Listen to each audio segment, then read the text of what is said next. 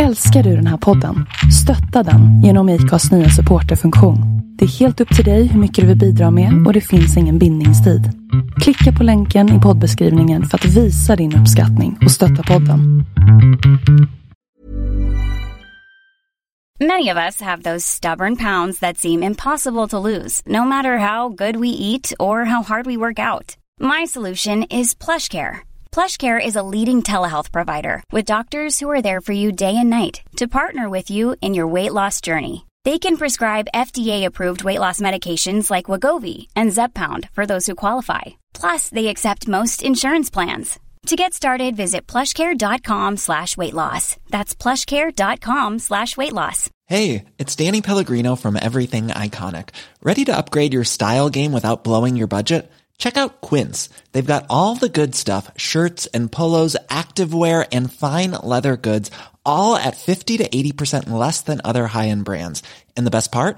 They're all about safe, ethical and responsible manufacturing. Get that luxury vibe without the luxury price tag. Hit up quince.com slash upgrade for free shipping and 365 day returns on your next order. That's quince.com slash upgrade. Jag tycker det är viktigt att bara uppmärksamma att det här är människor med väldigt mycket makt och väldigt mycket ekonomisk mm. makt. Och det är klart att sådana människor ska bli granskade. Och jag tycker också att, att att journalister granskar influencers är ett tecken på att, eh, för det första, att de har makt, för det är journalisters uppgifter, uppgift att granska makten och pengarna, men också att det är en bransch som man tar på allvar. Mitt namn är Linda Hörnfeldt och du lyssnar på avsnitt 123 av We Are Influencers. Dagens gäst Peppe Öman, hon är en riktig poddveteran med tanke på att hon driver tre egna poddar idag, utöver att hon är gäst här. När hon inte poddar så skriver hon böcker och bloggar om sitt liv i USA på Motherhood. Vi pratar om hennes resa med att börja jobba i USA, eh, hur hon identifierar sig mer som journalist än som influencer och att hon tycker att det är svårt att se sig eh, själv som influencer samtidigt som hon faktiskt granskar influencers. Och varför det är viktigt att även influencers ska bli granskade. Ja, du kanske har räknat ut vad den här podden handlar om. Den handlar om influencers. Eh, här kommer min intervju med Peppe Öhman. Jag har fått min första förfrågan om ett samarbete och jag har noll koll på vad som är rimlig ersättning. Jag har ju inte så stort konto. Är det lön i form av kläderna jag får som gäller då? Är det något mer jag bör tänka på? Känner du igen dig? Så här ser många DM och mejl ut som jag får från up and coming influencers som är i starten av sin karriär och inte riktigt känner sig säkra på hur reglerna ser ut eller vad man borde ta betalt. Undrar du hur hela friden du ska gå tillväga för att ta betalt för samarbeten i sociala medier? För dig har jag skapat en gratis guide där jag tar dig igenom steg för steg hur du bör räkna när du sätter ihop ett erbjudande till en potentiell samarbetspartner. Gå till www.lalinda.se ta betalt för att ladda ner guiden. lalinda.se ta Hej och varmt välkommen Peppe Öhman! Hej, vad roligt att få vara med! Alltså det här ska bli så himla spännande. Vi har ju, eh, vi fick ju då eh, värma upp lite grann här eftersom att du fick lite tekniska problem. Så fick vi värma upp lite off mic och eh, prata politik av alla saker. Jag tänker vi börjar där. Vad, vem är du och eh, vad gör du här? alltså jag är ju väldigt intresserad av politik, men det är inte bara därför jag är här. Jag, är, jag heter Peppe Öhman, egentligen heter jag Jeanette, men jag kallas Peppe. Jag är journalist och författare och äh, ja, men statsvetare också. Det är egentligen det vid sidan av journalistik som jag har pluggat. Och äh, ja, jag är född och uppvuxen i Helsingfors, bor i äh, Los Angeles sedan nästan tio år tillbaka. Kom hit för att stanna ett år, men ja, det blev längre än så. Sånt som händer. Ja. Och äh, ja, vad, ska, vad kan jag mer säga? Ja, jag, jag är aktuell med en bok som heter En gång om året. Det är kanske därför vi pratar nu också. ja, men lite grann. Plus att du ju också eh, har någon form av eh, influencerkarriär också under bältet. Ja, men eh, det kanske man kan säga. Ju... Hur känner du när jag säger det? Ja, men det gör mig glad. Alltså, det är... Jag började ju blogga otroligt tidigt. Jag har bloggat ända sedan 2005 och jag älskar min blogg så otroligt mycket. Den, är, den ligger just nu på, på Motherhood. Och uh, jag, jag tänker att hela min karriär, jag har ju pluggat väldigt mycket, haft en massa olika arbetsplatser, men allt det roliga i min karriär har bloggen gett mig. Alltså jag... Det är ju en väldigt bra, eh, vad heter det, betyg för bloggen. Ja, den, eh, den började med att heta Livet och Helsingfors och så blev den eh, Livet och LA när vi flyttade hit och uh, nu heter den väl bara Peppe Öhman. Men uh, förutom en... Nu heter den bara Livet. nu den, ja. Och uh, den, uh, ja, men den hette en massa kompisar. Jag kommer ihåg när jag började blogga liksom då för evigheter sedan, nästan, herregud det måste vara över 15 år sedan nu. Ja, 16 år sedan. 2005 är, ja det är 17 år sedan. Ja. Mm. Då var det en massa andra aspirerande bloggare som, eh, det var ju inte så många på den tiden, men eh, det är många från den tiden som vars bloggar jag läste och alla var lite intresserade av att, att skriva och uh, intresserade av mm, tidigt sociala medier och, och, och sen började de jobba inom förlagsbranschen och som kommunikatörer och, och som journalister och, och jag fick som inte bara vänskaper utan också väldigt många uppdrag och, och um, arbetsmöjligheter genom de kontakterna. Det, det är ju coolt. Ja, men det, det var en fin liten gemenskap. Alltså det är fint, man lär känna, eller åtminstone på den tiden lärde man känna varandra ganska, ganska bra, för man skrev så öppet på bloggarna. Nu existerar ju knappt bloggen som fenomen längre, alltså den finns ju men... men... App, app, app. Nu tycker jag inte att vi ska vara sådana. Eh, jag, är, jag har ju också bloggat på svenska sedan 2005, så att jag var ju också eh, med på den där tiden, fast jag tror att jag hängde... Du säger att folk blev liksom eh, journalister och eh, redaktörer och, och, och eh, kommunikatörer. Ja, i, den, i, det, I det skrået jag hängde blev alla typ moderedaktörer och jobbade med mode sen istället. Så uppenbarligen så fanns det lite olika liksom klickar. Ja. ja, jag ser det. Nu du säger det så säger jag det. Det var bara liksom en bubbla av, av bloggsfären jag levde i. Ja, och det är roligt för att du har ju en podd tillsammans med en av dem som var liksom i lite modebloggs-klicksfären då. Cecilia. Cecilia Blankens, ja. ja. ja. det är ju en av mina absolut närmaste Hon vänner. Hon och hennes, hennes syster, va? Elin? Just det, ja, Elin, ja. Ja, Elin Kling. Ja, hon, är, ja verkligen.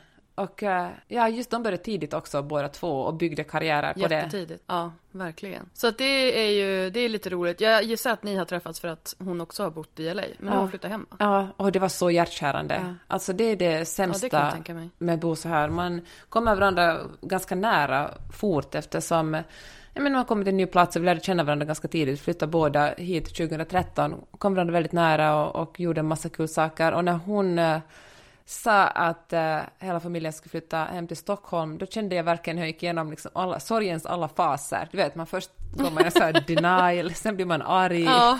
sen ja. gråter Vad fint att ni fick en podd då istället. Ja, det är en liten tröst. Får vi i alla fall det... prata med varandra en gång i veckan. Ja, jag lyssnade på den nu precis innan eh, och jag tyckte att det var så fint. Eh, det känns lite grann som att ni har liksom en programledare den tredje personen av er, nu har jag... Nu Johanna jag Svanberg. Johanna, ja. Hon eh, håller ihop eh, trion. ja.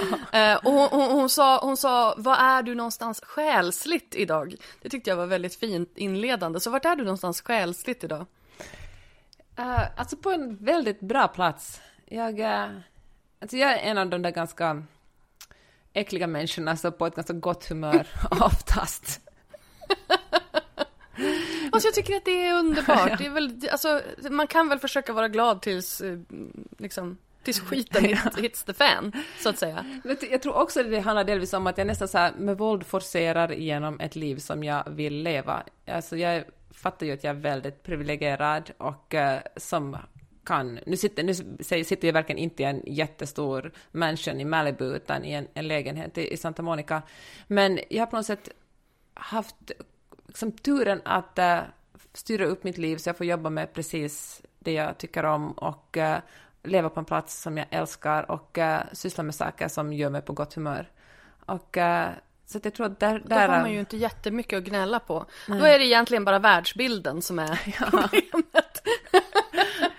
ja. Vi pratade lite om, om galna, galna män som vill ha mer makt innan, så det är egentligen bara det som är problemet. Om man ska ha, ja, om man ska ha någonting att, en liten skugga. Om man skugga. ska gräva fram några. ja. om man ska gräva fram några problem. Men du sa att du är statsvetare i grunden. Mm. Och sen, men take me from, from the beginning, för att jag känner att jag kan köpa liksom från statsvetare, ja, visserligen statsvetare, journalist, författare, inte jättelånga steg, men ändå. Mm.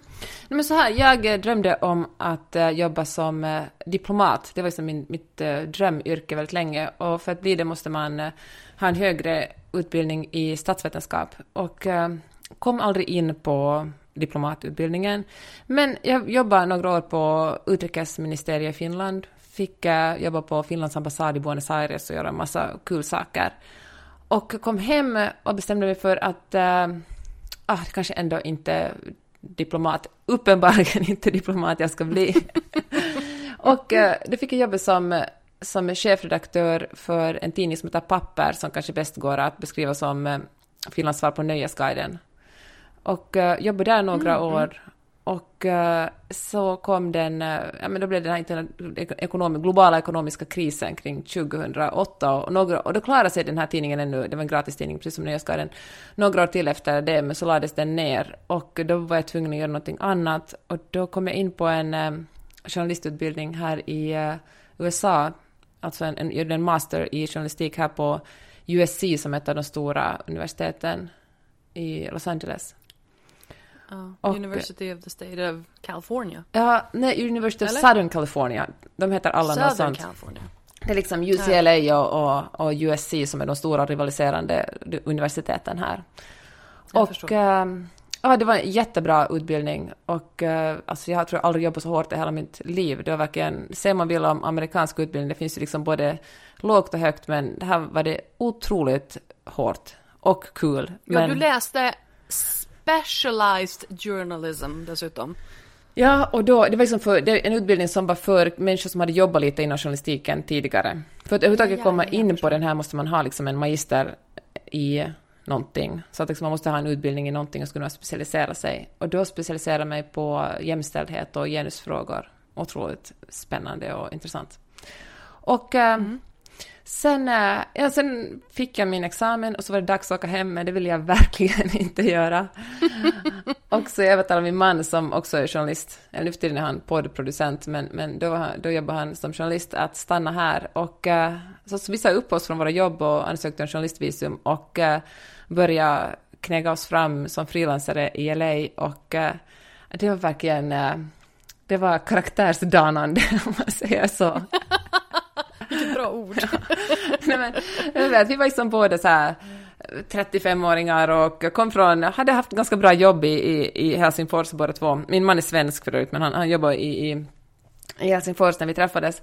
Och uh, för ett helt okej, okay, liksom, en okej okay livsstil. Man kunde gå ut och äta och ha sig. Men så kom vi till LA som en extremt uh, dyr stad och, uh, mm. och försökte liksom sälja in. Jag sålde in så konstiga reportage. Jag tror att jag intervjuade varenda finländare i hela LA. Och, och det, det är var... vad vi kallar för nisch. ja, det var också konstigt, för finländska medier ville bara ha intervjuer med finländare. Jag att men här är en jätteintressant ja. Eh, person eller händelse, eller vill ni höra någonting om, ha någonting om jordbävningar? De bara, nej, nej, men kan du göra ett personporträtt på någon finländare, helst finlandssvensk? och, men det var också ganska Alltså, det var ganska jobbigt för det första att, att ha jättelite pengar. Vi hade verkligen superlite pengar och i relation till många av våra kompisar här som hade otroligt mycket pengar, för nästan alla, som, alla de svenskar som vi umgicks med här hade kommit till LA för att de hade fått jättebra jobb på liksom stora, mm. jobba inom musik eller nöje och, och uh, det var en, en uh, ja det var, det var konstigt och stundvis väldigt jobbigt att uh, knappt ha råd, liksom var tvungen att tacka nej när vi skulle ut och äta, för jag kände på att jag har inte råd. Och också den identitetskrisen, liksom jag, jag är 35 och uh, lever som student. Mm. Men, mm. Uh, men sen uh, men sen gav det sig. Det, vi, det var ändå värt att bo här för att det var så härligt. Och kom det in med jobb och uh, poddarna började växa och ja, jag fick skriva, jag har ju skrivit böcker under den här tiden. Jag har gett ut den romanen som kommer ut nu är min nionde bok. Så jag skrev fler böcker och gjorde fler reportage för olika, också för svenska medier och fick göra lite inhopp i, i, eh, i SVT Morgonstudion och eh, och plötsligt så hade vi råd att bo här och hade råd att gå ut och äta och... och ja. Eh, du, du, ja men alltså, och, och, jag känner väl någonstans också att det där tycker jag är en intressant alltså det här med att vara då livsstilsentreprenör eller livsstilsföretagare. Att driva ett företag för att kunna leva det livet man vill ha. Inte nödvändigtvis att man vill, eh, ja men du vet, få hundra anställda och tjäna miljarder. Utan det räcker att det bara finansierar ens liv. Men det krävs ju, alltså jag menar speciellt i LA, så det krävs ju ändå att man kommer upp i en viss ansenlig summa i månaden för att finansiera det livet. Så det är inte heller någonting man bara gör med vänsterhanden liksom, utan det kräver ju ändå lite engagemang, så att säga. Speciellt i LA kan jag tänka mig. Ja, ja men det gör det. Konkurrensen måste vara mördande. Ja, men konkurrensen är väl det. Alltså, jag kanske inte som, som nordisk journalist, vi är inte supermånga här just i den, men att konkurrera med amerikanska journalister var, är ju jättesvårt. Också inte med tanke bara på språket, jag kom ju liksom hit i min utbildning och var ganska kaxig. Jag hade jobbat många år som journalist och uh, skrivit böcker och haft mig. Och uh, så märkte jag att jag kan, alltså min engelska var väl okej, men, men uh, alltså den är ju verkligen, var ju verkligen inte en, det var inte som en amerikansk engelska. För säger man, alltså amerikaner Nej, nej. är så duktiga på att uttrycka sig. Alltså jag kände jag kunde säga en sak på två sätt, kunde de säga samma sak på 50 olika sätt. På 50 olika snygga sätt. ja, det var också karaktärsdanande. Men, ehm, men också, alltså, väldigt...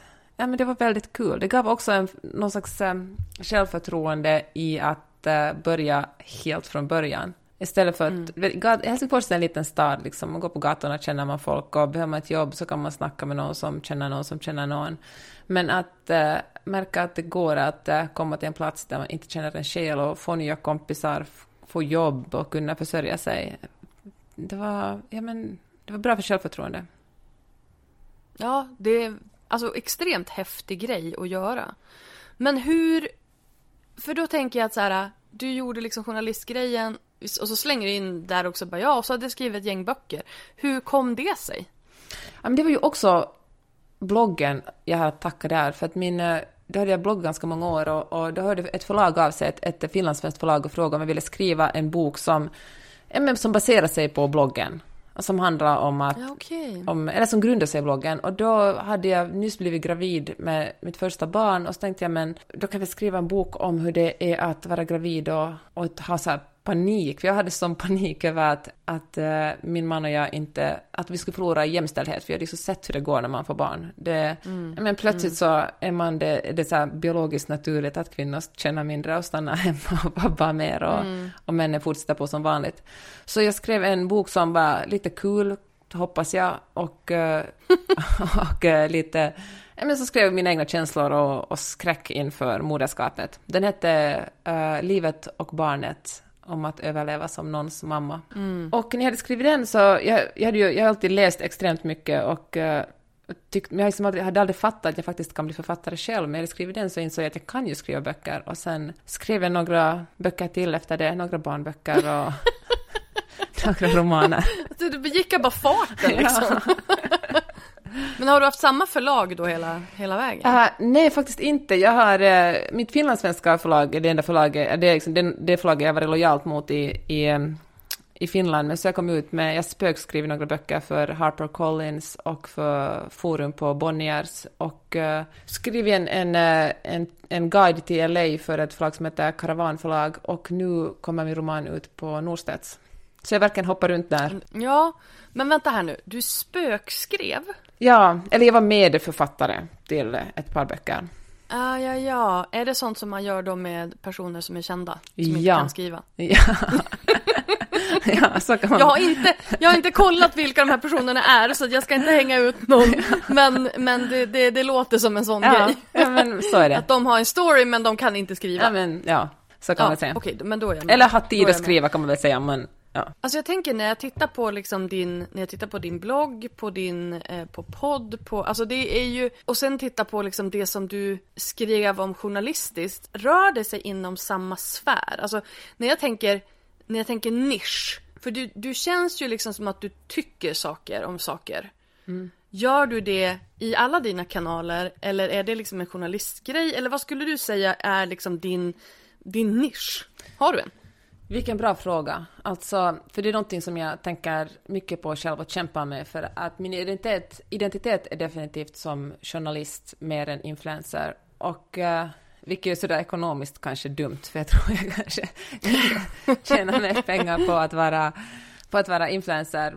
Men eh, Um, så jag tycker saker, min nisch är jämställdhet och uh, ja, men politik. Jag tycker det är otroligt intressant med amerikansk politik. Alltså det är, mm. eller vilken politik som helst, men nu har jag de senaste åren, eftersom jag har bott här, har jag läst en massa amerikansk politik. Det, det är ju, min dröm är att bara få sitta och prata om det dagarna ända, om jämställdhet och amerikansk inrikespolitik. Du får pitcha in det till USA-podden. Ja, de är ju för bra för att, uh, de är ju jätteduktiga, jag tror inte de vill ha mig. Men uh, men, du får göra en USA-podden light. Ja. Med lite livsstil också. Liksom. Ja, precis. Nej, men, eh, och eh, sen tänker jag varje, alltså nästan varje dag tänker jag gud vad det vore kul att tjäna lite mer pengar på bloggen och Instagram, men jag tycker det är svårt eftersom jag också när jag poddar och, eh, och skriver kritiserar influencers ganska mycket, för jag tycker att det är, finns väldigt många eller jag tycker det är knepigt hela, hela liksom företagande som många influencers gör. För att, och nu måste jag säga brasklapp, absolut inte alla influencers, men det finns um, många influencers... hela... Alltså, Noterat. men hela influencerskapet handlar ju om att låtsas vara någons kompis och att som kompis tipsa om en produkt. Och eftersom uh, det är mycket lättare att Alltså steget att köpa en produkt som en kompis tipsar om är mycket kortare än att köpa någonting som tv-reklamen eller reklamen i tunnelbanan tipsar om. Därför är det ju genialt mm. med, inf med influencers. Så jag ser mm. inte att de produkter som influencers tipsar om är sämre än de man ser på tv-reklam eller, eller ser i, när man bläddrar i glossiga magasin. Men, eh, men det är ändå, alltså avsändaren är ändå lite mer av en kompis än ett företag. Och, eh, Absolut, och det är, hela, det är ju hela poängen. Precis, och jag tycker att det är mm. både genialt, men jag tycker också att uh, det borde vara mer kontrollerat. Det borde vara mer transparens inom den branschen. Och eftersom jag mm. talar ganska mycket om det här och skriver ganska mycket om det, så känns det... Ja, då känner jag att jag kanske inte kan göra så jättemånga influencer-samarbeten själv. Jag gör ibland liksom med bokförlag och saker som, som har med uh, det jag jobbar med, men... Um, ja, jag, jag tycker det är svårt. Men alltså, jag förstår det, jag förstår det. Och sen tänker jag ju också att, att den här grejen att vara både journalist och influencer talar ju som lite grann emot varandra. Mm. Eh, det objektiva versus det granskande, eller det objektiva och det granskande versus det, det subjektiva mm. och eh, eh, kommersiella. Ehm, och det är ju en del. Och så sen som du säger att kan man vara kan man vara en influencer och fortfarande granska influencers? Jag säger ju absolut ja på den. För det finns ju redan. Alltså det finns ju människor som är inflytelserika och granskar influencers. För att det är också, det är också en definitionsfråga tänker jag. Att vad är en influencer? gemene man tror jag tänker att en influencer är sån som tjänar pengar på reklam i sociala medier. På ett sätt är det absolut en korrekt eh, analys och definition. Eh, det är ju, men jag tänker också så här att det är ju bara en affärsmodell. Alltså att, att tjäna pengar via reklam, det gör ju för övrigt också tidningar, det gör ju, mm. alltså det är ju en affärsmodell. Men att vara en inflytelserik person som är inflytelserik över beslut i någons vardag, oavsett om de är, de besluten är eh, ja, men kring politik, om de är kring kommers, kring, ja men vad, oavsett vad det gäller så, så, så handlar ju det mycket om att vara inflytelserik oavsett liksom område. Where am I going with this? Detta är jättesmart, jag vill att du fortsätter prata. Nej, men, men jag håller ju med om att, jag håller ju med om att, jag tror where you're going with this är att det, det, det man har ju ett större ansvar eh, som influencer än vad många kanske vill ta. Och det här är ju, det är ju ett jättestort problem. Dels för att jag hade ett samtal med eh, Skatteverket, jag satt i ett möte med ett gäng från Skatteverket angående skattefrågor och influencers eh, för några vecka sedan. Och hade en forskare med i, i, det, i det samtalet som sa att eh, en av utmaningarna är ju att eh, avgöra vilka som är Eh, i marknaden och vilka som är utanför marknaden. Och det var så, det var så bra uttryckt för att jag har tänkt på det så himla mycket men inte kunnat riktigt formulera det.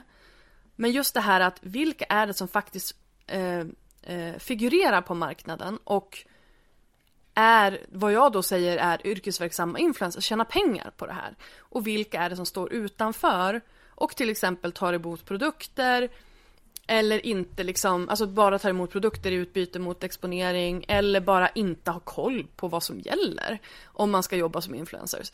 Då är de ju inte på marknaden fast de blir ju indirekt det eftersom att företag drar in dem på marknaden fast inte informerar dem om att de är på marknaden. Förstår du vad jag menar? Ja, precis. Det är jättekomplicerat. Nej men det där är ju jätteintressant och uh, jag tror att uh, jag, men, jag tror det handlar om att det fortfarande är en bransch som är väldigt ung eller att, men, för jag tänker så här, de flesta, som du säger, vissa som riktigt eh, etablerade influencers verkligen livnär sig på det, de brukar ju, men majoriteten av dem har väl ganska bra koll på reklammärkning. Men... Ja. 99 procent av gångerna. Sen glömmer de bort det ibland. Ja, fan, de är väl också bara människor. Och det ska Men, ehm, men vad tänker med den här liksom icke-marknadsnischen, är det någonting vi borde ta på allvar då? För tänker, eller är det, är det viktigt för att är de så små att de ändå inte har någon egentlig betydelse? Jag ser det ju dock som ett väldigt stort konkurrensproblem. Um, därför att, så här, det som är problemet med det här är att dels att betala med produkter normaliseras. Så att alla som vill börja jobba med influencers tror att det är vägen in. Uh, och då inte allokera budgetar till det. Och sen, och då tar ju det också upp väldigt mycket liksom fokus för vad influencerbranschen är. Mm. Um, vilket ju då gör att konkurrensen blir lite snedvriden. Istället för att prata om att allokera eh, liksom, budgetar och lägga fokus på, på det och hitta rätt liksom, långsiktiga partners så blir det liksom en stor PR-maskin som i slutändan är skattefusk. Liksom. Mm. Um, så att jag, tror, jag tycker att det är ett jättestort problem. Hela den, hela den grejen uh, med alla som är utanför marknaden men ändå på den. um, det är jättesnurrigt. Nej, det var inte alls snurrigt. Det var väldigt tydligt. Jag tänker att... Det var bra. men jag förstår, jag känner faktiskt personligen tycker jag inte jag kvalar in i eh, just den problematiken, även om jag gärna skulle vara en, en, en influencer som, som tjänade mycket pengar. Men jag tror att för mig, för mig är det, handlar det om att eh, Alltså som journalist känner jag att jag måste värna om min trovärdighet. Jag tänker att det är inte mm. trovärdighet om jag skriver en artikel där jag granskar, nu är jag i och för sig ganska få granskande reportage just som, och speciellt som handlar om liksom influencervärlden. Men i alla fall, överhuvudtaget liksom min journalistiska integritet. Alltså jag tycker att det ändå blir... Um, att, ja, kanske folk kan se skillnad på blogg och Instagram och uh, det jag skriver liksom i, i, etablerade medier. Men att det ändå finns någonting som skaver i att jag gör reklam på en plattform och snackar sak på en annan. Det kan vara fatt, min jag, egen jag ängslighet och mina egna hjärnspöken som, som kommer in där?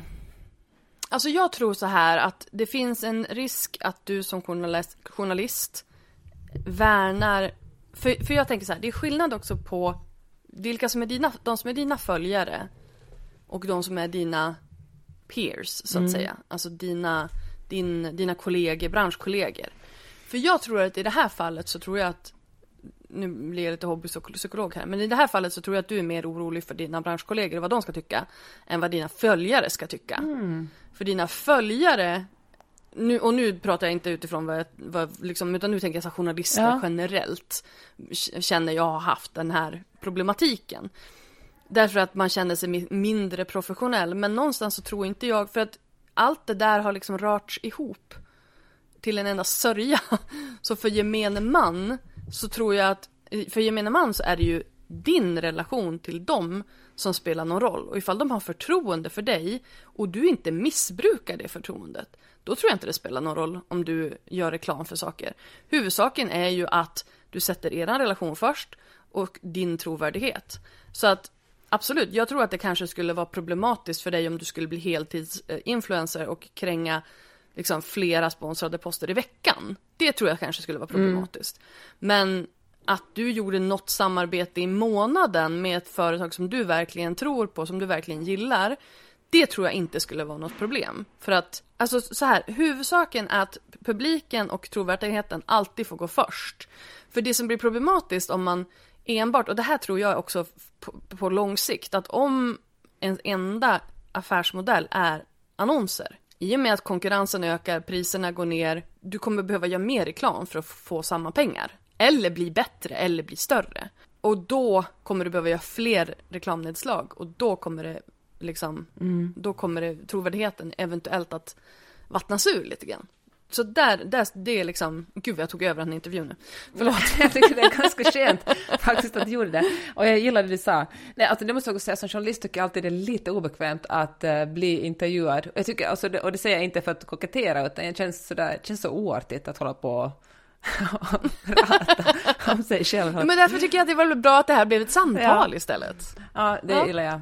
Nej, men jag, håller, jag tycker det var seriöst väldigt smart det du sa, för det, eller, och det tycker jag för att jag vill att det ska vara så.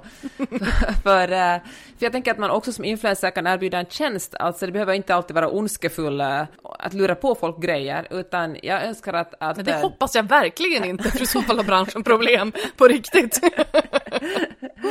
men, men det kan ju verkligen, jag kan uppleva att det ibland blir så när vissa influencers gör liksom reklam för ett shampoo ena veckan och säger att de älskar det supermycket och så ett annat shampoo följande vecka. Absolut. Men, Absolut. Och, och det är ju, alltså det här är ju verkligen extremt jag talar om nu, men jag tänker ändå att det är Ja, alltså jag tycker att det, är så, det enda jag har är min trovärdighet och, eh, och därför mm. värnar jag, kanske värnar om den lite för mycket, men för att det ska vara bra för min egen ekonomi, men, men ehm, Ja, men därför tar jag till mig det du sa. Okej, okay, en gång i månaden kan jag åtminstone göra ett samarbete ett lukrativt Ja, men jag, tänk, jag tänker att det handlar liksom, du måste ju värna om din integritet såklart, men jag tänker ändå att så länge man håller en, en jag, jag tänker att det här är en sån sak som du kan prata om i dina kanaler. Mm. Att så här, hur, hur skulle det kännas om jag gjorde så här, så här tänker jag kring det. Och för jag menar så länge man är transparent så tror jag att då går det, flest, det mesta går hem, mm. så länge man bara är ärlig.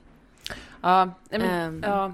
Det håller jag med på, det är något som man, jag ju själv älskar när folk är transparenta. Det är ju, och jag tror att det faktiskt är någonting som eh, och då menar jag inte så här fake-transparenta, för jag tycker att det ser man ganska tydligt också. Någon det ser man igenom. Ja, ja, visst ser man det, men vad tror du det handlar om? Att man, är det någonting mänskligt, att man nästan genast kan tyda någonting, när någon verkligen är genuin, och när någon tänker att det lönar sig för mig att vara genuin, så nu ska jag hitta på någonting som låter genuint? Alltså, kanske är det för att vi eh, har liksom livets visdom i, i åldern med oss. eller, eller så, för jag tror definitivt inte att alla kan det, men, men för vi pratade lite grann om så här att man ser igenom icke-genuina eh, politiker mm, innan vi mm. satte igång eh, mikrofonerna. Um, och jag tycker absolut att jag ser det. Sen vet inte jag om det är för att jag har branscherfarenhet, om jag bara har livserfarenhet eller om jag bara är en väldigt bra eh, läsare av människor. Alla tre eh, säger vi. Det är oklart. Vad tror du? Jag tror det är alla tre. När det... Nej men, eh, nej men jag tror på, på riktigt att det är alla tre. Jag tror att eh, alltså, om man hänger mycket på sociala medier och eh, är intresserad av människor. Alltså mm. om jag, jag tycker att det är, och jag tycker det är också fint, alltså jag tycker det är så det intressant med människor. Alltså, mm. det, och det, jag tror att det är en orsak till att jag tycker om att vara journalist och i och för sig också skriva böcker. Att människor, relationer och hur eh, människor, eh, vilka val de gör och liksom vad de är rädda för och glada över och är så intressant. Mm. Ja men eller hur? Och det är väl det någonstans också som är styrkan i influencers. Att att man kan få alla de här olika historierna. Men du, du sa lite grann om uh, det här att, uh, att du tycker att influencers behöver granskas och, och så. Kan du, kan du utveckla det? Ja men så här, det här är faktiskt någonting vi talar om i, i skåpet, podden som jag har med, med Cecilia Blankens och Johanna Svanberg. Vi pratar om, eh, om riktigt stora influencers, om hur eh, de ofta de blir granskade. Svenska Dagbladet hade granskat Bianca Ingrossos eh, sminkmärke. Och mm då tyckte Cecilia att, att uh, kvinnor alltid blir lite hårdare granskade än män och att det här var en, att det är lite ogint. Så fort kvinnor klarar sig i samhället och liksom, vare sig det handlar om, om det är politiker eller uh, skådespelare eller musiker eller influencers så blir de hårdare granskade. Män kommer alltid lättare undan. Och eh, mm. det håller jag faktiskt helt med om. Alltså kvinnliga politiker blir mm, mycket mm, hårdare. Alltså, det gäller alla länder och alla kulturer. Men eh, jag tycker att influencerbranschen är en så speciell bransch just för att eh, det finns den här relationen, alltså vänskaps... Eh, det finns en överenskommelse mellan följare och uh, influencer. Någon slags, det, är en, det är en form av relation. Och när man blandar in mm. mänskliga känslorelationer tycker jag att det blir... Uh, ja men så här, har du sett, har du sett den tv-serien Tinder-svindlaren? Nej, jag har ja. inte gjort det än. Ja, men det handlar jag, om en snubbe jag, som... Jag tror att jag kommer få för mycket ångest av det. Ja. här, han, han lovar kvinnor kärlek och liksom är underbar och sen lånar, och lånar de här kvinnorna honom pengar och sen drar han och... Eh, det, mm. Och, eh, klassisk solovårdare. Han är en klassisk solovårdare och jag tänker att det finns, jag mm. ser inte att influencers är solovårdare, men de ja, det hoppas jag. bygger någon slags, eh, om du säger de, men alltså det finns en aspekt där man bygger en relation med sina följare. Och mm. uh, ibland är följarna väldigt unga och, uh, och jag tycker ofta att unga människor är smartare än äldre människor, men människor som kanske inte har jättemycket livserfarenhet och då och kanske inte jättemycket pengar och så får influencerserna de här, de här unga människorna att köpa grejer genom att sälja någon slags fake äh, vänskapsrelation. Jag tycker det är jätteviktigt att äh, journalister granskar det här och säger att, att håller de här produkterna det som influencerna lovar? Är det här ett rimligt pris? Är det här äh, korrekt, äh, liksom, är det korrekt reklam markerat? Och det här är ju, allt det här du säger är ju, är ju reglerat i marknadsföringslagen.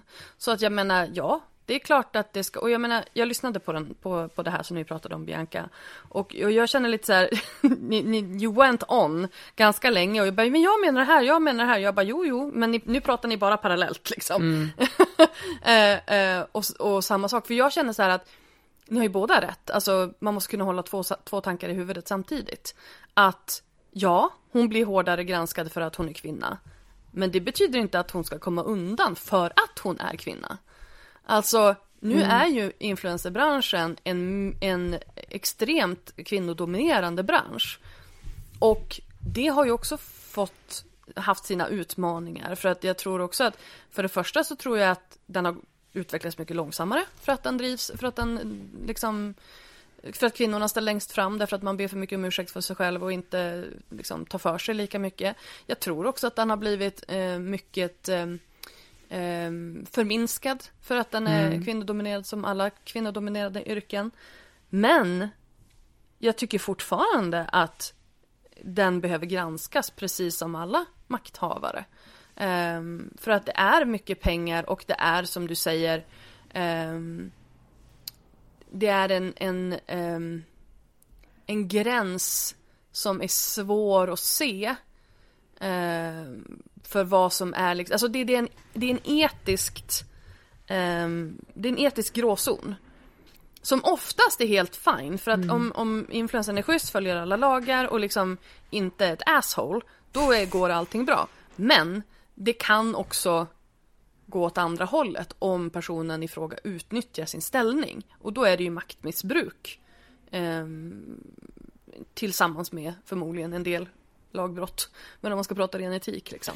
Men alltså jag håller med, eh, och vi, verkligen. Jag tycker att problemet eller kanske inte ett problem, men jag tycker det är viktigt att bara uppmärksamma att det här är människor med väldigt mycket makt och väldigt mycket ekonomisk mm. makt. Och det är klart att sådana människor ja. ska bli granskade. Och jag tycker också att, att att journalister granskar influencers är ett tecken på att, eh, för det första, att de har makt, för det är journalisters uppgifter, uppgift att granska makten och pengarna, men också att det är en bransch som man tar på allvar, eftersom, eh, alltså en seriös bransch. Sen tycker jag att det kanske blir whataboutism att säga, men männen då? Alltså jag tycker att att ja, vi ska också granska manliga makthavare hårdare, eller åtminstone lika hårt som kvinnor.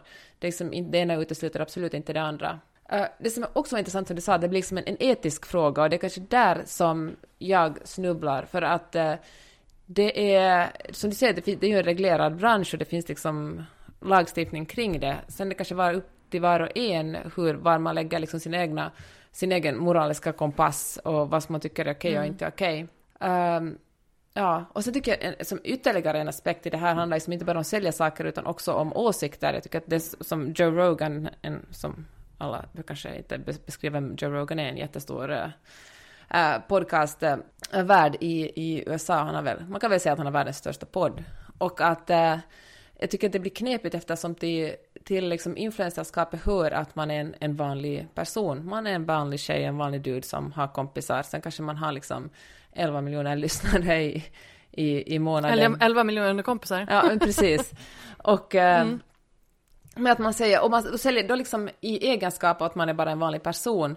Men har man så många följare, har man liksom, jag tänker att det räcker om man har över 100 000 följare, eller kanske till och med över 10 000 följare, så är man i en maktposition, då kan man liksom inte backa tillbaka och säga men jag är bara en vanlig dude efter, för att nej, alltså inte är den här. Du kanske är en vanlig dude när du borstar tänderna på kvällen, eller du-det, men eh, i egenskap av influencer har, sitter du i en maktposition och, och då måste du tyvärr stå till svars för det du säger och det du gör. Det handlar liksom, men inte bara att kränga grejer utan också vilka ord man använder och uh, vilka politiska åsikter man kommer ut med. Och du säger mm. alltså, nu kommer någon att ropa, men cancel culture, det är ju yttrandefrihet. Det är klart man får säga vad man vill. Alltså det finns alltså man får säga faktiskt nästan precis vad man vill, men till yttrandefriheten också att man blir granskad Du sitter fortfarande inte i fängelse. Precis. Så länge du sitter i fängelse så får du ja. säga precis vad du vill. Alltså, cancel... alltså så länge du inte hamnat i fängelse så kan du inte börja gasa, gasta om yttrandefrihet. Exakt, alltså det hör till att bli kritisk, alltså så funkar ett, en demokrati. Man säger någonting och så blir man kanske kritiserad och någon annan kanske säger någonting som mm. man inte vill höra, men men tyvärr, det kommer, alltså så funkar det i ett land med yttrandefrihet. Ja. Nej, men alltså, very, a lot of good, good points. Jag tänker bara vi ska dra en liten, jag måste bara vara lite eh, public service här och eh, vem är Joe Rogan? För de som inte har koll på hela den här, eh, vi, det var en anti-vax eh, eh, grej va? Just det, nej men Joe Rogan är alltså, han är för detta, eller han är standup-komiker och programledare och, och då podcastare och hans, han bjuder in massa gäster till sin podcast, alltså allt från Elon Musk till uh, Jordan Peterson, alltså väldigt um, jag bara slänga ut en massa namn här, men i alla fall folk som tycker olika saker. Det finns väldigt liberala personer, jag tror Bernie Sanders, alltså för detta väldigt uh, vänster presidentkandidat i USA har varit där. Och, uh, och så finns det väldigt uh, högerorienterade personer, alltså människor som på gränsen till att vara nynazister. Och, uh, och Joe, är till och med nynazister, alltså Joe, Joe Rogans hans, eh, vad ska man säga, pitch eller hans, liksom, hans grej är det att han säger att, det går, att han ska, man ska kunna tala med alla och att eh, allas röst ska bli hörd och han är bara en vanlig dude som vill föra en bra diskussion med olika människor och lära sig mer.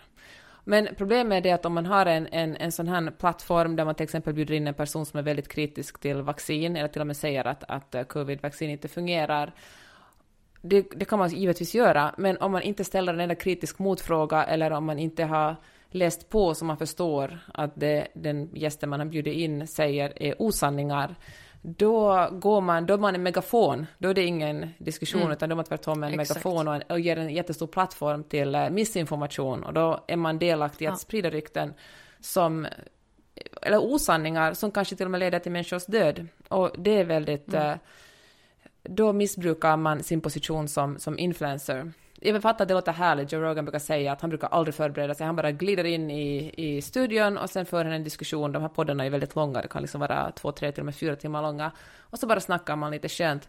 Men, ehm, men eh, det låter kanske härligt avslappnat, men det, en, det gör man... Ja, men det kan ju verkligen leda till jättestor skada om man, om man ger eh, folk utrymme. Ja, och jag tänker att om man har så stor plattform så borde ju åtminstone någon i den här processen höja ett varningens finger och bara Fast vänta nu, det här skulle kunna gå åt pipsvängen.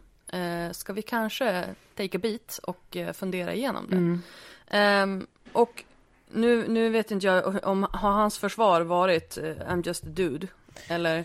Har han, han liksom tagit inte ansvar för det här? Han, eh, jag menar hans första svar var I'm just a dude. Sen, sen eftersom när han blev kritiserad för de här eh, antivaccinationsgästen så, mm. så började folk gräva i vad han egentligen har sagt tidigare och då kom det fram till att han också använt ordet, n-ordet väldigt många gånger i sin podcast. Aj.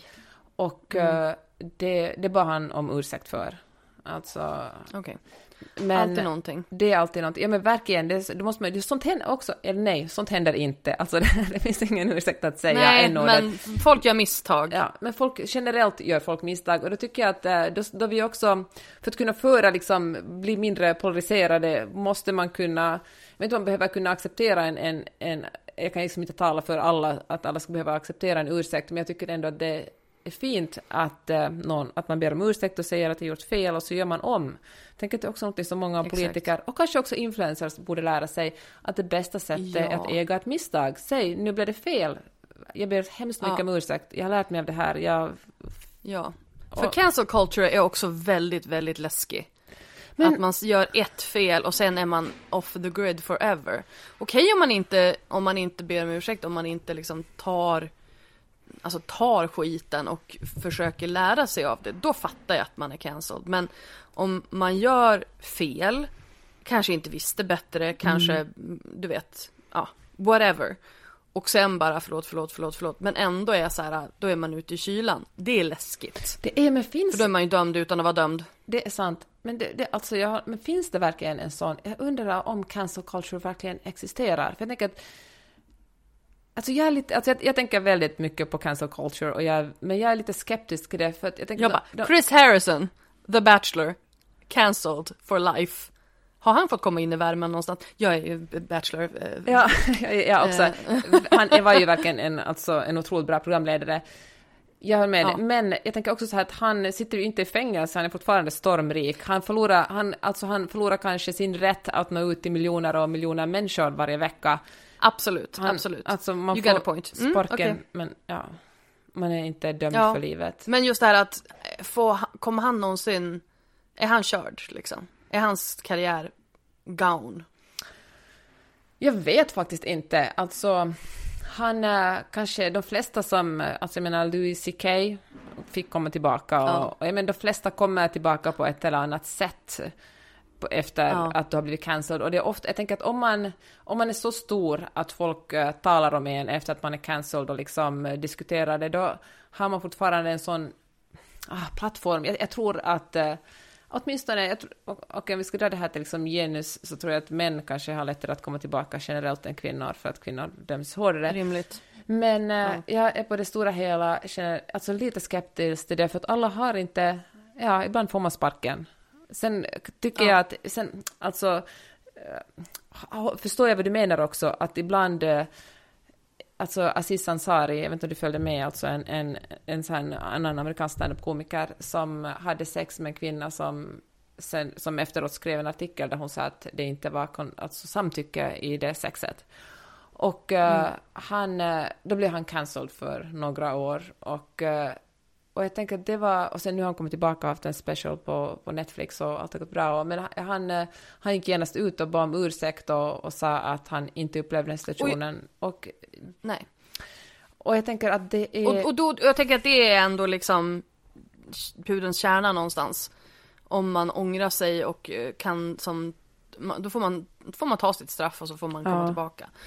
Men för att försöka, du vet, veva in den här, eh, den här svängen som vi har tagit nu, off, off topic. Eh, eh, det, det, det vi pratade om innan, alltså just det här eh, med ansvar och eh, ehm, att ta ansvar för sånt som man säger i sina kanaler. För att, ehm, jag menar, är du influencer och du går ut i dina kanaler, fuckar upp, säger någonting som inte är så himla smart och du får kritik för det. För det första så måste vi lära oss skilja på kritik och personangrepp. Ja. Alltså kritik och Oh, ja. hat.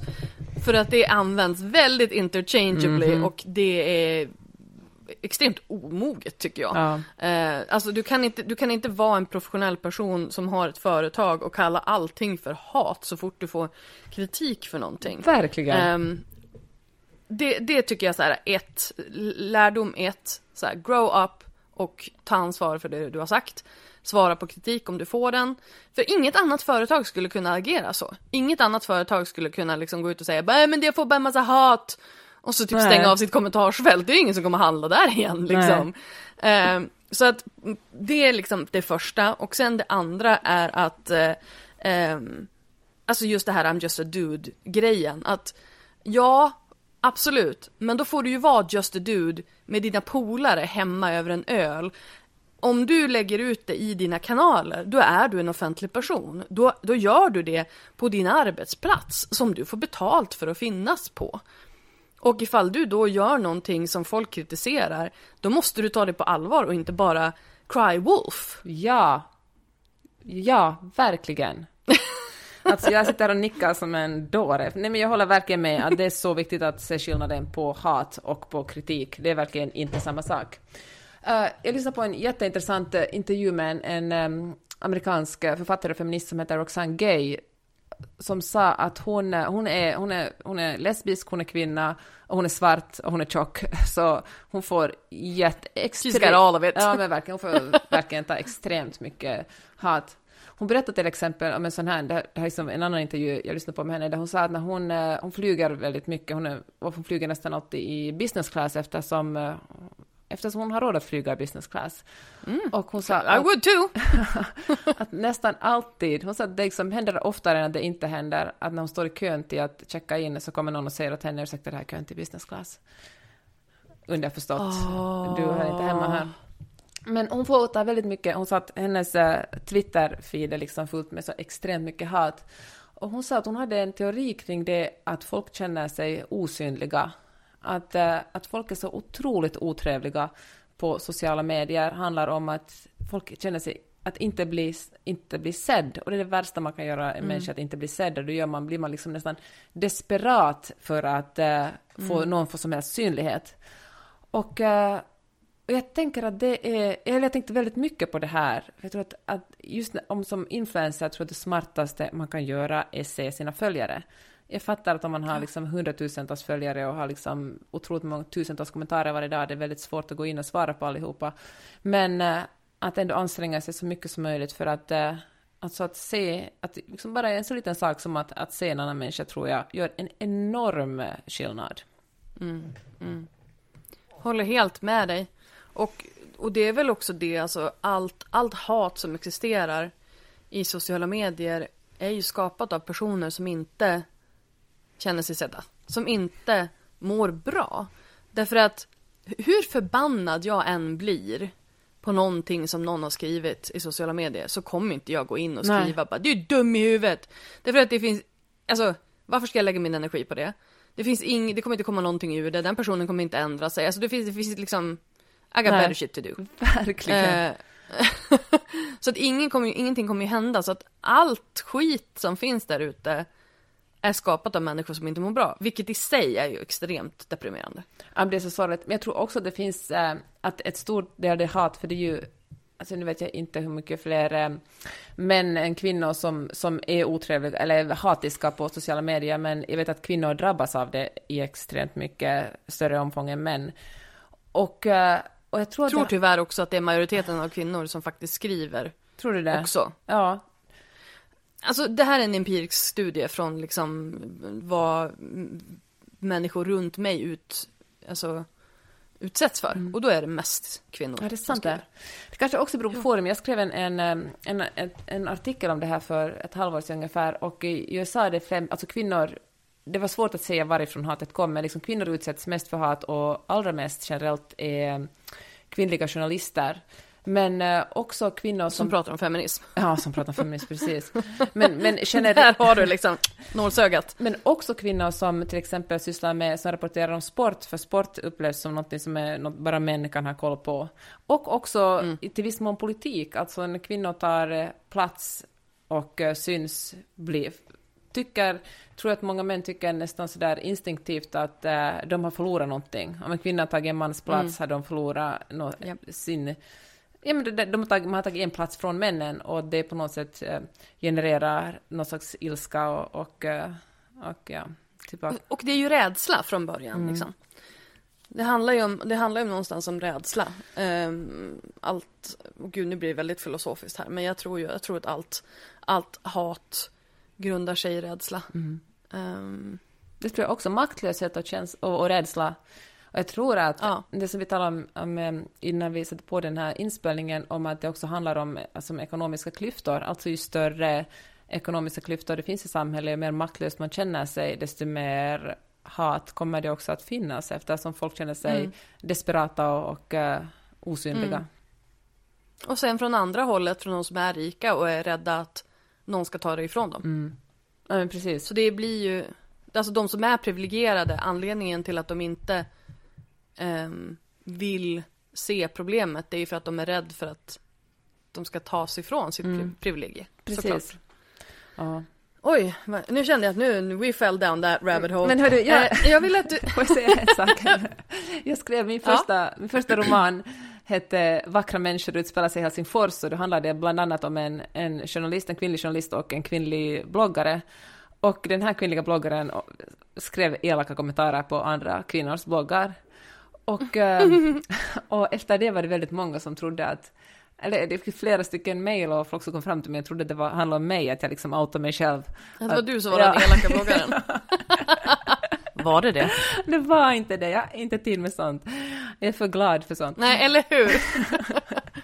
Älskar det, jag har inte tid med sånt. Nej, men jag tror att det handlar ju mycket om det, känner jag. Att så här, vart kan du påverka? Eh, inte i folks kommentarsfält. Nej. Men alltså, eh, för det första så vill jag, jag blev lite, jag blev lite um, nyfiken när du sa att din man numera var poddproducent. Uh, det faktum att du har uh, eh, 50 poddar, beror det på detta? Um, nej, jag tror tvärtom att han är poddproducent på grund av att jag har så många poddar. du bara, du, du, någon måste sköta den här grejen. Nej, men jag var ganska, jag är ganska nyfiken på sånt här. Jag var ganska tidig med att, att blogga och jag var ganska tidig med att podda. Jag tvingade honom att göra en podd med mig redan 2011 tror jag. Den var jättedålig.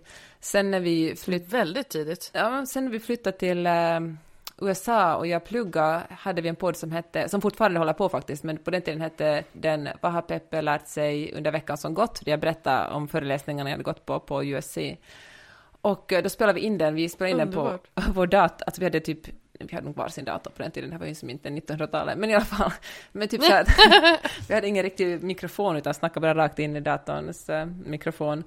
Och uh, och sen, eh, ja, men sen fortsatte det och, och, så var det faktiskt så här att eh, Magnus som själv han har jobbat som programledare både på radio och tv i Finland. Och eh, så, så hade, hade, han liksom inga, ja men det var knagligt för oss ekonomiskt de första åren här. Och då satt vi på en middag med faktiskt Susanne, Sissan, alltså Cecilia Blankens och Johanna Svanberg. Och de skulle starta en podd. Och sa de att Magnus, du har jobbat med radio, du kan kanske klippa den här podden. Och och då kom Magnus från, liksom, hade jobbat på public service i, i Finland och han tyckte att, att, klippa, att klippa andras program var det lägsta av det lägsta. Det var verkligen ett bottennapp. Men eftersom vi var desperata... Gotta pay your dues! Exakt! Han var fuck, fine.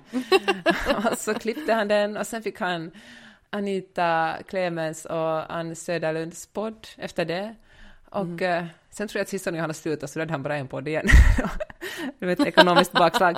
Men nu, har, nu klipper ju några av de största poddarna i, i Sverige. Han har faktiskt bland annat klippt eh, Bianca Ingrossos podd medan hon ännu gjorde det. Och, mm-hmm. och uh, vad, uh, vad, heter den här uh, killpodden från Göteborg? Under himmel... I, med, i, fan, vad, JLC. JLC, vilken härskarteknik att inte vet vad de heter. ja, men nu klipper han ett Förlåt, jag sabbade det. ett tiotal poddar och ja, men, trivs jättebra med det. Mm. Och du har tre? Jag har tre poddar. Ja, jag har Magnus Peppes podcast som jag och min man fortfarande, där vi talar om eh, feminism och journalistik och uh, politik, amerikansk politik. Och så gör jag Skåpet med Sissan Blankens och Johanna Svanberg och så gör jag Mellan raderna-podden, en bok om böcker med Karin Gide.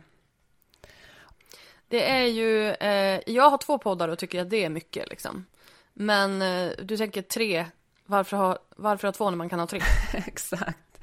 Nej, men alltså, det är väldigt roligt med poddar. De är ju ganska olika allihopa, så att jag får uttryck för olika delar av mig själv i dem. Du får tycka mycket. Jag får tycka mycket, ja verkligen. Det gillar jag.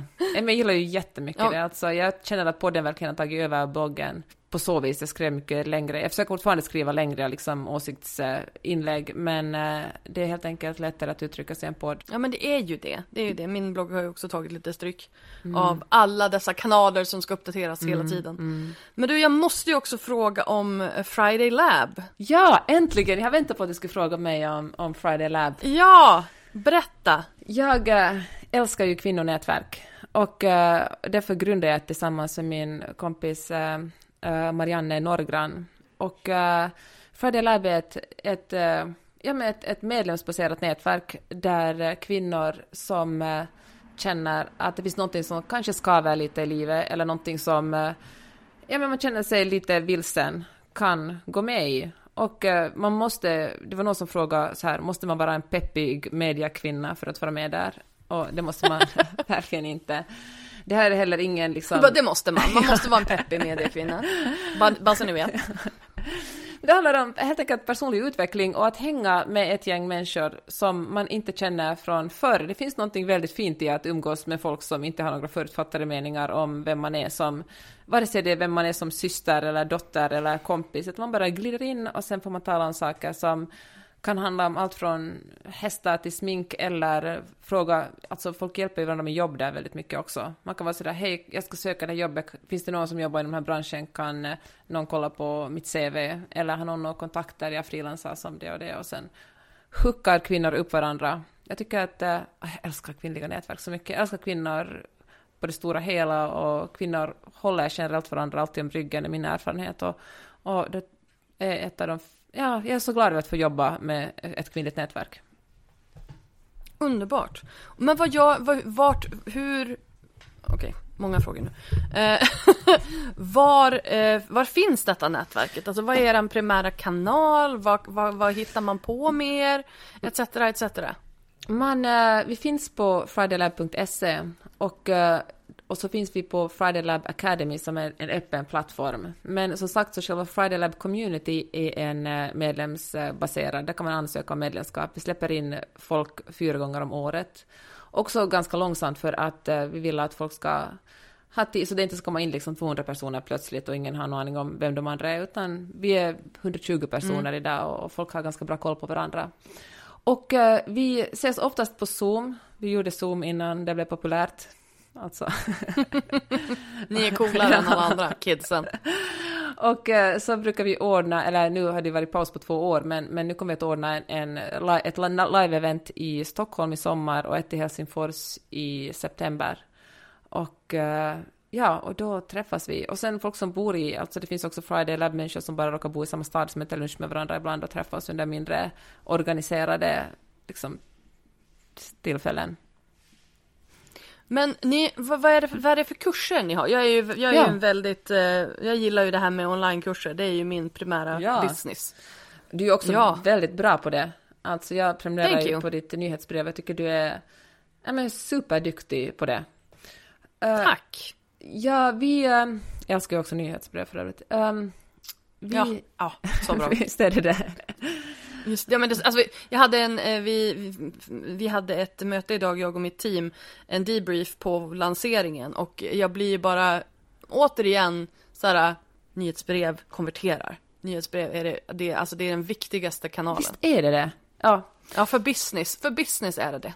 Jag, eh, jag har ju också ett eget nyhetsbrev där jag, jag läser ju väldigt många artiklar och liksom väldigt många poddar varje vecka och då samlar jag ihop varje vecka ihop allt det bästa jag har läst. Jag tycker också om nyhetsbrev som den man har någon man gillar som kurerar ihop ett paket. Jag tänker internet ja. är oändligt, det finns så mycket bra. Tänk vilken lyx att ha någon som uh, gör ett litet paket med bra läsning och lyssning och skickar det ut till en varje, varje vecka. Det finns på mm. peppe.substack.com.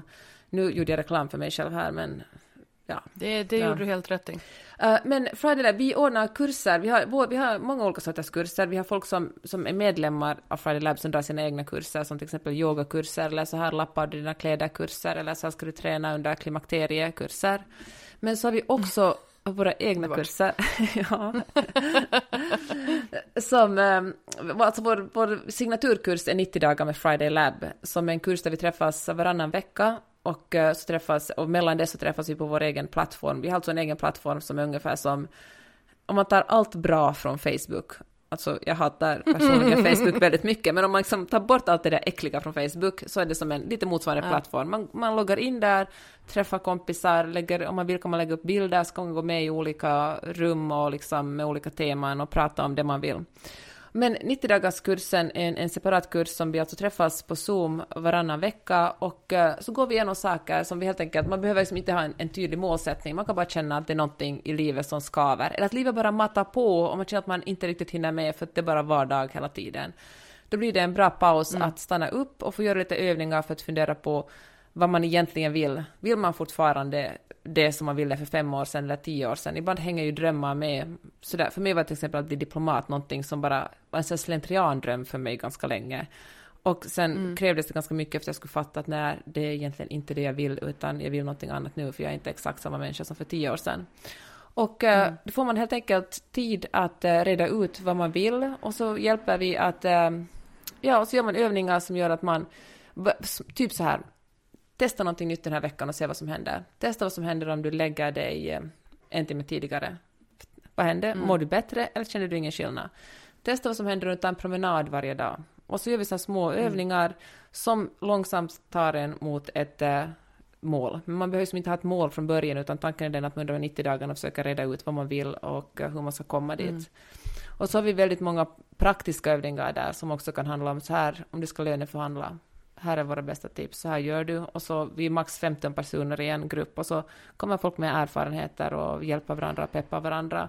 Och här tycker jag också finns styrkan... Så det är lite mastermind Exakt det, liksom. men precis. Mm. Styrkan också här är att, att vi försöker alltid göra grupper där folk inte känner varandra, man kommer från olika branscher med olika erfarenheter och olika insikter och sen mm. får man stödja varandra. Väldigt, eh, alltså, det, man skulle aldrig tro att, att det går att få mer energi av att träffa folk över Zoom, men varje gång vi har dragit en sån här, vi har dragit nästan 20 stycken sådana kurser nu, är jag på så gott humör och har så mycket energi. Det är faktiskt väldigt fint. Vad underbart. Men hur är, och hur stor del skulle du säga att det här är av din business? Friday Lab är ungefär, ska säga, 40 procent av min business. Mm, mm. Det, är, ja, det är någonting som jag hoppas ska växa ännu mer och hoppas vi ska kunna göra det i USA också. Planen är att göra liksom en, en engelskspråkig version av det. Det, verkar ju, det känns ju väldigt amerikanskt. Alltså, ja. det, liksom hela den liksom självuppfyllande, hitta, du vet, hela den grejen känns ju väldigt, alltså det... Jag fattar. Gud, det lät så jävla dissigt. Nej men jag fattar. Det lät så dissigt, men du, du förstår vad jag menar. Det, skulle, det funkar i USA. Ja. Det är faktiskt Speciellt in California. men jag tror det, men vet du vad jag tror faktiskt också, för jag känner så här att, att, ähm, att USA är lite, sånt som, alltså i Finland är vi ju lite sådär, äh, lite kanske cyniska, kanske fel ord, men lite generellt väldigt skeptiska till allt äh, Ta en bastu så blir allting ja, bra. Ja, men exakt. Medan ja. Sverige kanske lite mer öppna för, fan vi testar det här. Och USA, mm. eller då Kalifornien då specifikt, är sådär, uh, ayahuasca liksom, nu kör vi. Och, ja. och, och jag upplever att under de åren vi har haft Friday Lab så har Finland öppnat sig lite mer, då, liksom, det känns inte som eh, på det vi sysslar med. För det är väldigt, alltså, mm. det, det, finns liksom inget, så för det första, det är inte, jag skojar bara, så här, ayahuasca, vi gör alltså inga droger. inga droger. men, eh, men att det finns något... Det är ju Kalifornien, men vem fan vet? Händer saker när man fokuserar, stannar upp och får lite hjälp att reflektera vad man sysslar med och fundera på vad man egentligen vill göra och inte bara mala på i samma liksom, hjulspår. Och, ehm, mm. och jag tänker att uh, ja, det är, ja, det är, det är väldigt kul. Jag är liksom så jätteglad över att få jobba med det. Mm. Och resten av din business, vad skulle du säga att det är? Tjänar du någonting på ditt influencerskap? Alltså direkt? Um, på dina kanaler? Eller har du bara så här nu, nu, nu? Eller bloggen? Får du betalt av Motherhood? Nej, Motherhood. faktiskt inte. Jag hade faktiskt hoppats på att de skulle erbjuda mig några samarbeten. Jag har varit där ganska få månader, men eh, det har faktiskt ännu inte hänt, så jag väntar på det. Jag tycker också det är jobbigt att sälja... Kom igen, kom igen, Ja, men verkligen. Jag tycker det är jobbigt. Säljer du själv när du gör grejer? Eller har du någon... Ja. Som säljer för dig? Ja. Du får ge mig ett eh, tips efter att jag spelar in det här, för att jag tycker att det är... jag väntar liksom på att folk ska höra av sig till mig. Jag tycker det är jobbigt att sälja själv. Och jag fattar att jag på inga sätt unik i den här åsikten. Liksom. Nej. Mm. och du har ju ditt eget jävla ansvar här Peppe. Ja, verkligen. Jag, jag känns nästan för att säga det. Men, äh, men jag känner ganska, nu gjorde jag ett samarbete med Storytel, ganska litet, men äh, jag tänker så att, äh, ja, nej, jag gör mest reklam för mina egna grejer där som Friday Lab och, och poddarna. Men efter att vi har talat... Fast det är ju också ja. liksom, det är ju en, ännu bättre för att, um, alltså jag är ju all for att mer tjäna pengar på sina egna grejer för att då har du också ingen overhead. Alltså du, du, då har du bara en kund. Till skillnad från mm. när du ska samarbeta, då har du två. Ja, vilket bra sätt att säga det. Ja, men det stämmer ju faktiskt. Men äh, jag kanske ska sälja in. Jag känner också att jag vill, äh, jag vill gärna göra äh, samarbeten, så vill jag göra någonting, helst av allt med någonting som har med det jag jobbar med, alltså med böcker, eller så vill jag jobba med kvinnliga företagare. eller folk som har på något... Det skulle ju inte vara, det borde ju inte vara något problem. Nej, jag hoppas. Ja, men jag hoppas. Ja, men så är det. Och eh, gärna folk som har någon slags liksom, eh, moralisk kompass i sitt företagarskap. Och eh, ja, och sen, sen boken såklart. Nu kommer jag att göra ganska mycket reklam för min roman som kommer ut i mars. Och det är ju bra. Så kom igen, gör reklam för din bok nu då. Nej men berätta. Du, det, där, det där skulle inte låta så jävla eh, greasy. Bara, kom igen då, gör reklam för bok. Utan, utan det jag menade är att nu ska, vi, nu ska du embracea här. Ja. Att göra reklam för någonting du tror på. Jag har skrivit en jättebra roman som handlar om relationer. Det handlar om en kvinna som lever i ett äktenskap med en man. De har det ganska bra. Han är, han är snygg och rolig och ganska jämställd och har två döttrar från ett tidigare äktenskap som den här kvinnan älskar jättemycket. De bor i en stor lägenhet på Östermalm och allt är ganska bra. Förutom ett, hon känner att hon är den som tar mesta delen av allt emotionellt arbete och allt hushållsarbete. Och eh, hon talar med sina... Det här är en, en, en roman f- f- fortsättning på din första bok. Ja, men ja. Ja, de är faktiskt tio år äldre nu, liksom, huvudpersonerna. Och eh, hon vet liksom inte riktigt hur hon ska hantera det här. Hon vill också, ha ett, ha liksom ett, hon vill också bli gravid, men hennes man bara skjuter på det här hela tiden. Och hon är, har det ganska bra, men hon är också väldigt frustrerad över sin situation. Och så träffar hon en gammal fling och ligger med honom. Och det, hon, det är så skönt och det är så härligt. Och hon bara, fan, passionen. men hon vill ändå inte lämna sin man för att de har allt är ganska bra och hon tänker sig att om hon lämnar honom så kommer hon att tappa kontakten med tjejerna. Och då kommer hon på så här, som kompensation för att hon måste ta det mesta oavlönade hushållsarbete och att hon inte fått barn, då kommer hon att ligga med den här killen en gång om året. Och det är liksom den perfekta lösningen. Hon får så mycket energi av det och lycka av det så hon kan, det är fine att han aldrig tömmer diskmaskinen. Intressant. Intressant eh, sätt att, eh, eh, vad heter det, kompromissa sig ur sitt eget liv. Ja, och jag tänker så här att min fråga är att är det så mycket värre att vara otrogen en gång om året än att, än att vara den personen som låter, som, som liksom skiter i ansvaret för hemmet? Alltså, vad är det, vilken större diss att på något sätt eh, vara otillgänglig liksom i, i, sin, i kärleksrelationen eller att, eh, ja, eller att vara otrogen en gång om året? Alltså, det, jag har inget tydligt svar på det, men jag tycker det är en inte intressant tanke. Det är en väldigt intressant frågeställning. Det blir ju, det, det är ju en, en återigen i liksom den här etikens gråzon liksom att, ja, det den, nej, den är inte helt, rätt att svara, helt lätt att svara på. För det är också en sån där grej. För 20 år sedan hade jag sagt att ja, herregud, det är klart det är mycket värre att vara otrogen. Idag är jag så här, ja, livet är inte så jävla svartvitt. Nej. Ja, det har varit väldigt kul att skriva den och eh, jag är ju såklart jättenervös. Det är konstigt med att skriva böcker, det är ju en otrolig lättnad och stolthet när den är färdig, men det är ju också så fruktansvärt ångestfyllt att folk ska läsa den och ha åsikter om den. Och det här att man inte kan ändra någonting. Nej. Jag har ju skrivit en bok i mitt liv. Eh, det var ju en handbok, Yrke influencer, kom ut 2018. Eh, jag har fortfarande inte läst den igen, liksom, efteråt. För att jag är livrädd för att hitta någonting som är fel. Ja, kan relatera till 100 procent. Jag skulle aldrig någonsin läsa någon av mina böcker. Alltså, just den där paniken att jag inte kan gå tillbaka och korrigera. Exakt. Undrar om det är så här skådespelare känner sig. De som inte tittar på sig just själv på det. film. Ja, men det måste de. Det har jag aldrig tänkt på, men så måste det ju vara. De bara, nej, jag kunde ha dragit den Ja, att de repliken. ser ju bara sin egen prestation och Ja. inte själva handlingen liksom. Ja. Också lite sorgligt. När man ändå har skapat någonting och lagt så mycket energi i det för att, fast i och för sig då ger man det ju till andra, då behöver man ju inte det själv. Ja. Nu blev det lite filosofiska rummet igen. Finns boken på Storytel? Kommer den att finnas på Storytel? Det tror jag i alla fall. Ja, den, finns, den brukar finnas... Har du läst in den? Nej, det har jag inte gjort. Men den kommer att finnas som Nej. ljudbok. Men inte inläst av dig? Jag tror inte det, alltså... Nej, jag vet faktiskt inte. Du, Jag vet att jag du inte har läst in veta. den. Och Du har inte läst in den? Det vet Du jag. gjorde inte det i sömnen?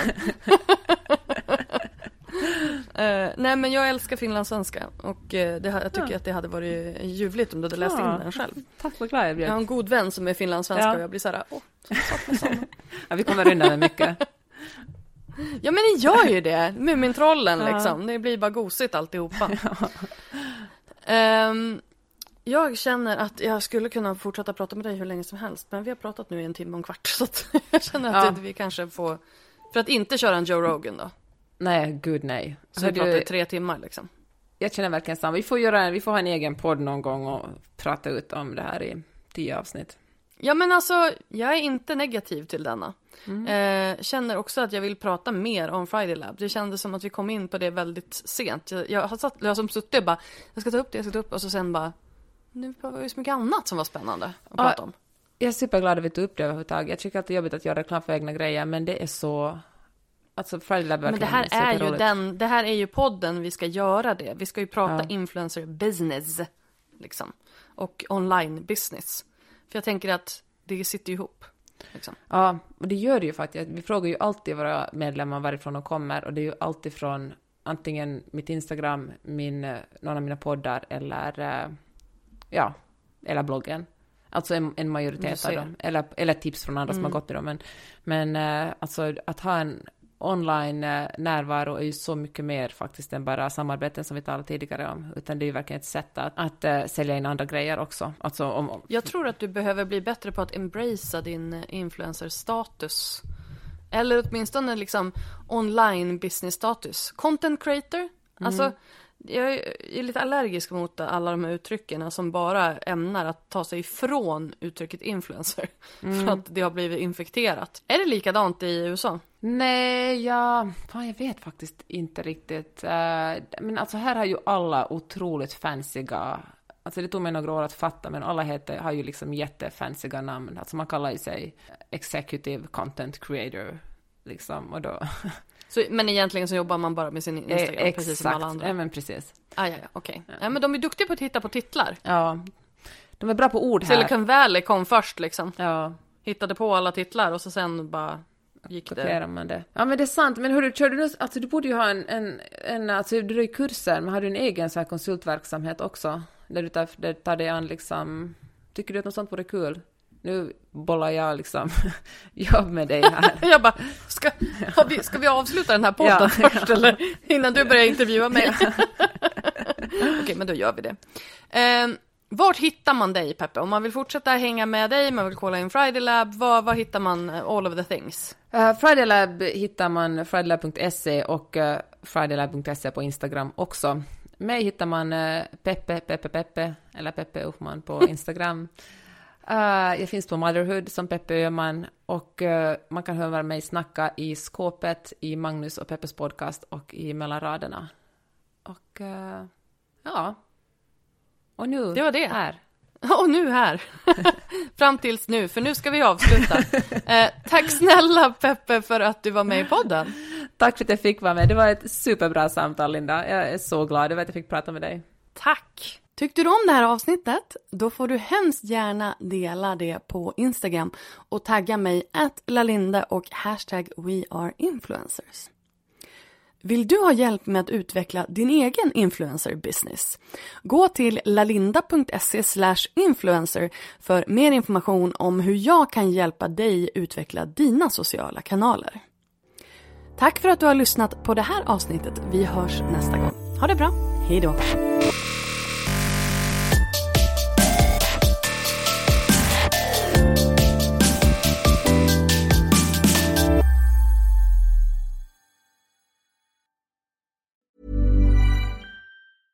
Hey, it's Paige DeSorbo from Giggly Squad. High quality fashion without the price tag. Say hello to Quince. I'm snagging high-end essentials like cozy cashmere sweaters, sleek leather jackets, fine jewelry, and so much more. With Quince being 50 to 80% less than similar brands. And they partner with factories that prioritize safe, ethical, and responsible manufacturing. I love that. Luxury quality within reach. Go to quince.com slash style to get free shipping and 365 day returns on your next order. Quince.com slash style. Imagine the softest sheets you've ever felt. Now imagine them getting even softer over time. That's what you'll feel with Bowl and Branch's organic cotton sheets. In a recent customer survey, 96% replied that Bowl and Branch sheets get softer with every wash. Start getting your best night's sleep in these sheets that get softer and softer for years to come. Try their sheets with a 30-night guarantee. Plus, get 15% off your first order at bowlandbranch.com. Code BUTTERY. Exclusions apply. See site for details.